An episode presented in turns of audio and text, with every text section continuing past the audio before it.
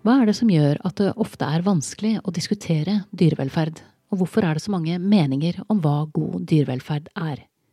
Det var to av flere spørsmål som Foreningen norske etologer langt på vei ga svar på på dyrevelferdskonferansen 2022, der det handlet om språk og signaler, og hovedoverskriften var Forstår du dyret ditt?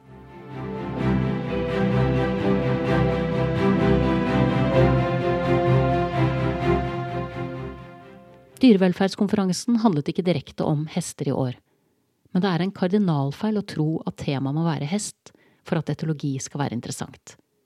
Sannheten er at de fleste dyr har de samme grunnleggende behovene, selv om de har ulike språk og ulike atferdsuttrykk. Det er gjerne lettere for oss mennesker å forstå andre pattedyr enn å forstå fisk og fjærfe. Men hvis det skal være noe hold i påstanden om at det er vi som er den smarteste arten på planeten, så er det jo nettopp vi som burde ta ansvar for å lære språket også til de artene som ligner oss minst. Jeg har lyst til å starte med å avlive to myter på vei inn i denne episoden. Gullfisk har ikke noen sekunders hukommelse. De husker akkurat så godt som en fisk trenger å huske for å overleve. Min manns gullfisk så for eksempel godt forskjell på ham og meg, og fikk opp farten hver gang jeg gikk forbi akvariet, ganske enkelt fordi at jeg matet dem oftere enn han gjorde. Fjærfe er også betydelig smartere enn ryktene skal ha det til.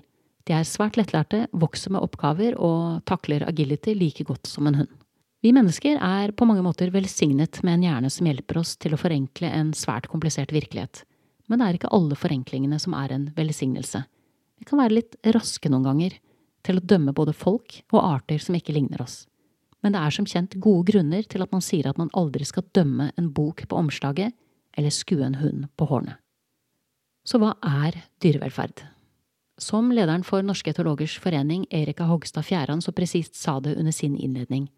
Dyrevelferd er et omfattende begrep, og det eksisterer i mange former, avhengig av art, kjønn, alder, håndtering, tilgang til ressurser, artsspesifikke behov og utforming av miljø, for å nevne noe. Men det alle dyr har til felles, det er at de har atferdsbehov som det er vår jobb å tilrettelegge for. Og det er viktig å huske på at all atferd vokser ut av ett eller flere behov, også vår egen atferd. Og konsekvensen av det vi foretar oss nå, vil ofte påvirke vår fremtidige atferd. Vi kan kort oppsummert enten fortsette å gjøre noe, slutte å gjøre noe, eller endre måten vi gjør noe på. For å ytterligere komplisere det, så er atferd noe som naturlig nok må måles på individnivå.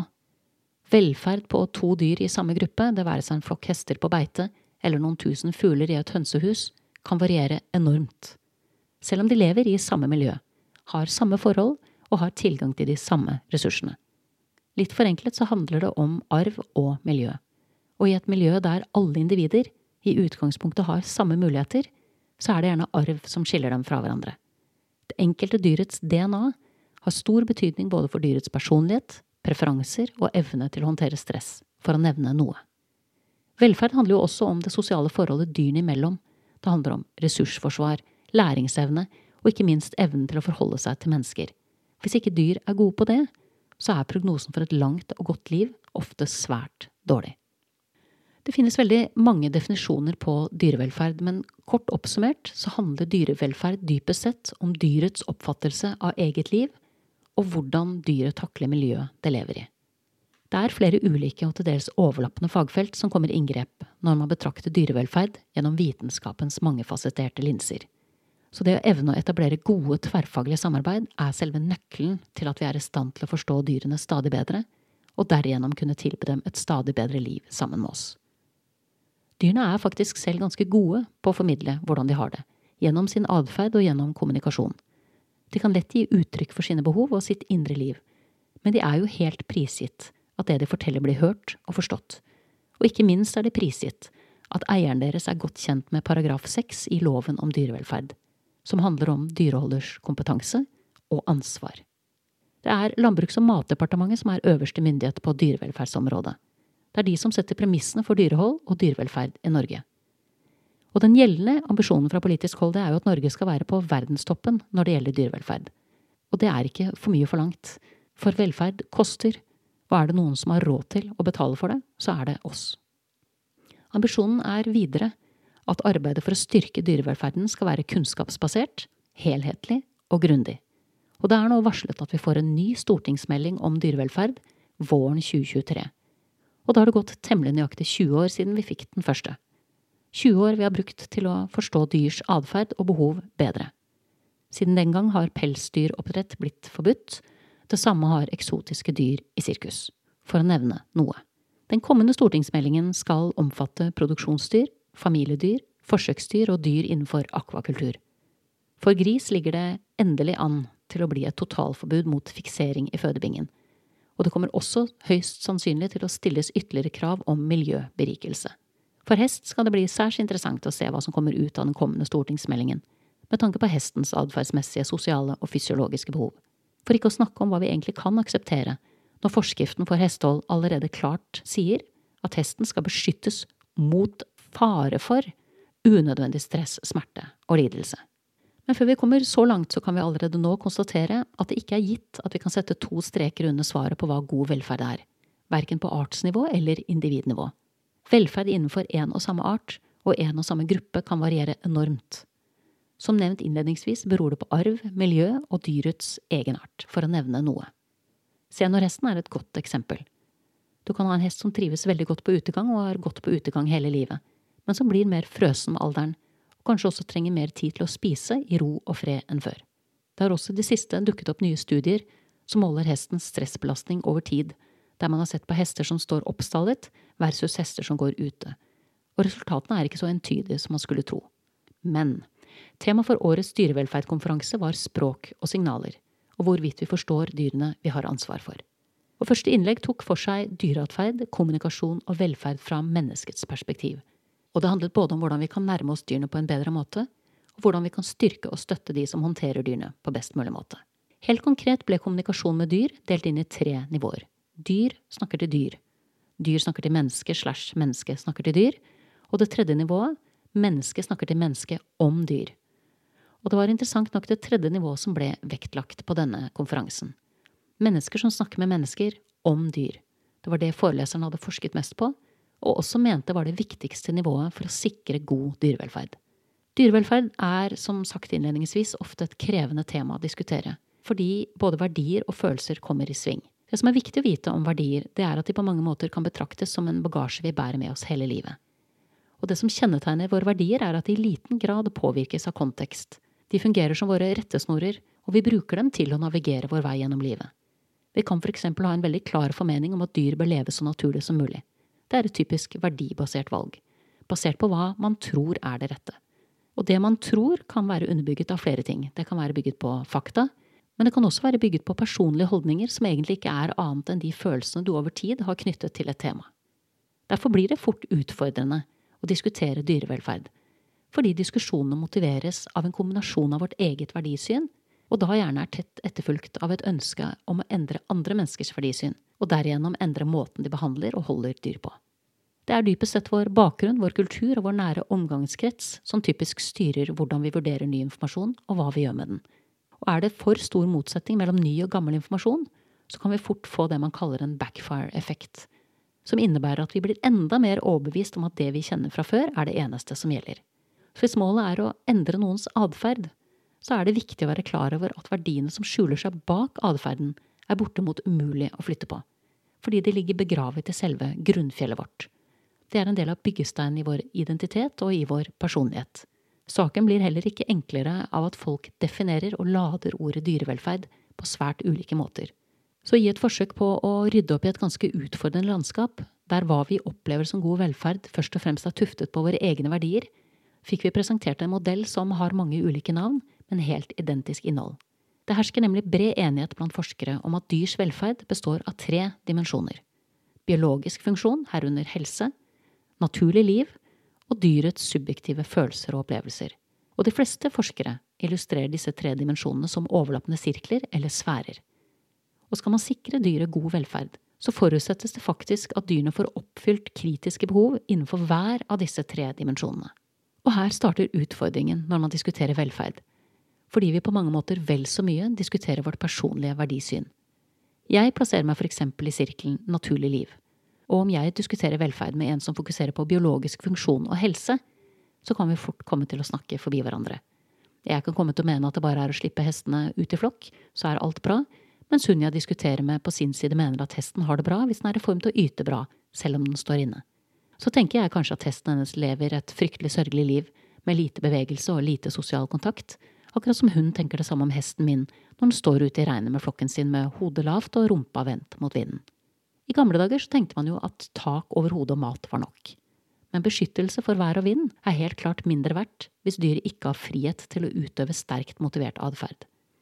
Litt flåsete sagt så har jeg ofte tenkt at det vi egentlig leter etter, det er et balansepunkt mellom en plenponni som er ute med kompisene og spiser så mye grovfôr at det er uforenlig med god helse, og varmblodshesten som er avskåret fra all sosial interaksjon og står inne og spiser altfor mye kraftfôr. Det er nemlig verdt å merke seg at det er summen av de tre dimensjonene som sikrer hesten god velferd. Summen av biologisk funksjon, naturlig liv, og sist, men ikke minst, dyrets subjektive følelser og opplevelser.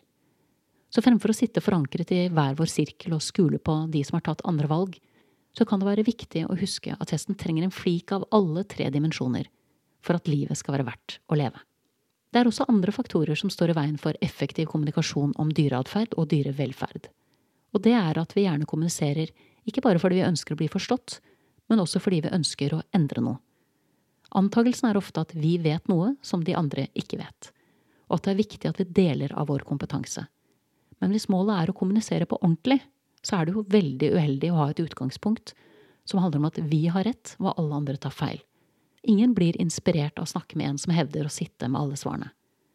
Eller som Larry King så presist sa det, hver morgen minner jeg meg selv om at ingenting jeg sier i dag, vil lære meg noe nytt. Skal jeg lære noe nytt, så må jeg lytte. Og etter seks timer med lytting så kan jeg absolutt si at jeg lærte mye nytt på dyrevelferdskonferansen.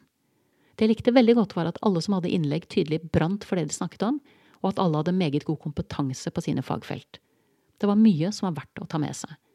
Det var blant annet interessant å høre hvordan vi kan sikre god dyrevelferd i dyreassisterte intervensjoner.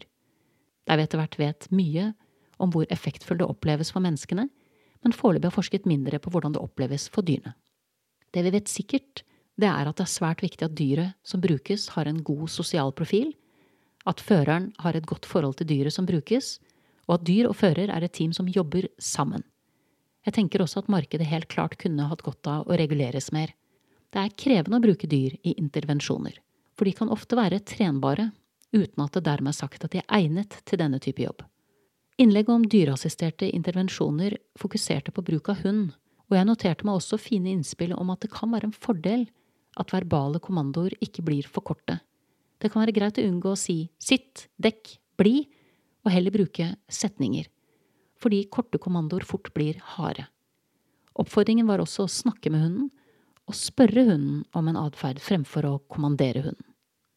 Det var også overraskende interessant å få innblikk i hvordan fisk bruker annet lukt og lyd for å kommunisere. Og det var veldig inspirerende å få innblikk i en kommende doktoravhandling som ser nærmere på ku, kalv og bonde i samspill, og hva som var gevinstene og utfordringene med å la kalven gå sammen med kua, fremfor å skille dem rett etter fødsel. Det var også spennende å lære mer om kattens kommunikasjon og velferd der det blant annet ble avspilt ulike former for mjauing og betydningen ble forklart. En artig detalj jeg også noterte meg, som jeg ikke kjente til fra før, er at mange kattedyr, eksempel tigre, har lyse flekker på baksiden av ørene, og at disse spiller en viktig funksjon når kattedyr bruker ørene til å kommunisere i mørket. Jeg er ikke selv noe kattemenneske, men jeg noterte meg at det er viktig å svare katten når den mjauer til deg, fordi det er vanlig høflighet i kattens verden. Jeg noterte meg også at hvis katten er skeptisk til en ny type fôr, så kan du stryke den over pannen. Det er morens signal til kattungen om at ting er ok. Og er katten generelt engstelig, så hjelper det at du stryker den over ryggen, og blunking er også veldig effektivt. Blunk markert og tydelig og ha øynene lukket minst et sekund. Dette er for øvrig et dempende signal som de fleste dyrearter forstår. Og så lærte jeg også at den beste måten å lokke til seg en katt på, er å plystre en ren A hvis man klarer det, for da kommer de så godt som alltid. Jeg syns også det var veldig interessant å lære noen av hønas vel 20 lyder, og hvor langt man er kommet til å sikre fjærfe bevegelse og naturlig atferd, som står i sterk kontrast til den tidligere burhøna. Også greit å merke seg at selv om det er krevende å vurdere dyrevelferd på alle byttedyr, fordi de instinktivt skjuler smerte, så er det faktisk lettere å plukke ut dyr som ikke har det bra i en stor hønsepopulasjon, enn det man skulle tro. og jeg noterer meg også at det knapt blir brukt antibiotika på fjørfe lenger. Avslutningsvis så trakk panelet også frem at pattedyr deler mange limbiske strukturer og er fullt i stand til å kommunisere grunnleggende behov. Så det er til syvende og sist vårt ansvar at vi blir stadig mer bevisste på hvordan vi forholder oss til andre levende vesener. De skal håndteres på en god måte, og vi har plikt til å ha kompetanse til å håndtere og ta vare på dyr som vi eier. Det er også verdt å merke seg at jo mer vi vet om dyrene våre, jo bedre vi kjenner dem, jo tydeligere blir det for oss at de fortjener et godt liv. Du har nettopp hørt et lite sammendrag fra Dyrevelferdskonferansen 2022 og episode nummer 115 fra Hestenes Klan, en podkast om hester og hestefolk. Jeg vil benytte anledningen til å takke alle som kom med innlegg på årets konferanse. Beth Ventura fra University of Lincoln, som snakket om dyrs atferd, kommunikasjon og velferd fra et menneskelig perspektiv. Kristine Olsen fra Dyrebar omsorg, som snakket om hvordan sikre god dyrevelferd i dyreassisterte intervensjoner. Marco Vindas fra Veterinærhøgskolen NMBU, som snakket om hvordan fisk kommuniserer. Juni Rosann Johansen fra Norsøk, som snakket om ku, kalv og bonde i samspill. Bjarne O. Bråstad, professor emeritus fra NMBU, som snakket om kattens kommunikasjon og velferd. Gro Vassdal fra Animalia, som snakket om fjørfe og hvordan forstå og tilrettelegge for velferd hos høner, kyllinger og kalkuner. Og jeg vil også takke de som kom med digitale hilsener.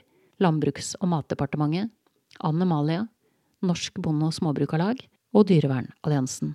Og sist, men ikke minst vil jeg takke Erika Hogstad Fjæran og Foreningen Norske etologer for at de jobber målrettet for å sette fokus på dyrenes velferd. Det gjenstår bare for meg å takke min faste komponist Fredrik Blom, og sist, men ikke minst vil jeg takke deg, kjære lytter, for tålmodigheten. Måtte hesten for alltid være med deg.